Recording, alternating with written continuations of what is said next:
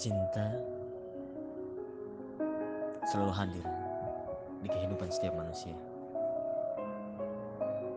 Cinta lahir memang benar dari tatapan mata turun ke hati,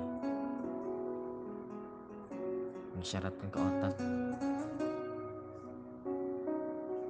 dan timbul sebuah rasa yang tidak akan pernah kita lupa. Rasulullah Shallallahu Alaihi Wasallam dan Aisyah. Jika Rasulullah Shallallahu Alaihi Wasallam ditanya siapa istri yang paling dicintainya, Rasul menjawab, ialah Aisyah. Tapi ketika ditanya tentang cintanya kepada Khadijah, beliau menjawab, cinta itu Allah karuniakan kepadaku. Cinta Rasulullah pada keluarga dan pada keduanya teramat berbeda. Tapi keduanya lahir dari satu yang sama. Pesona kematangan.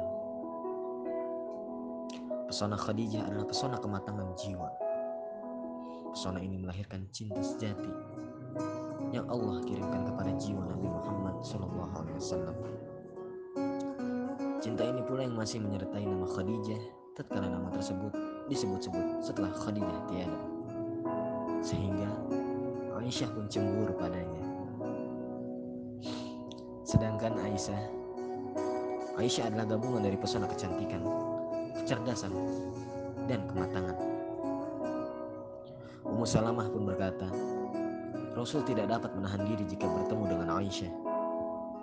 Banyak kisah-kisah romantis yang menghiasi kehidupan Nabi Muhammad dan istrinya, Aisyah.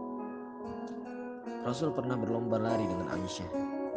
Rasul pernah bermanja-manja ketika sedang bersama Aisyah. Rasul memanggil Aisyah dengan panggilan kesayangan Humaira. Kalian tahu artinya?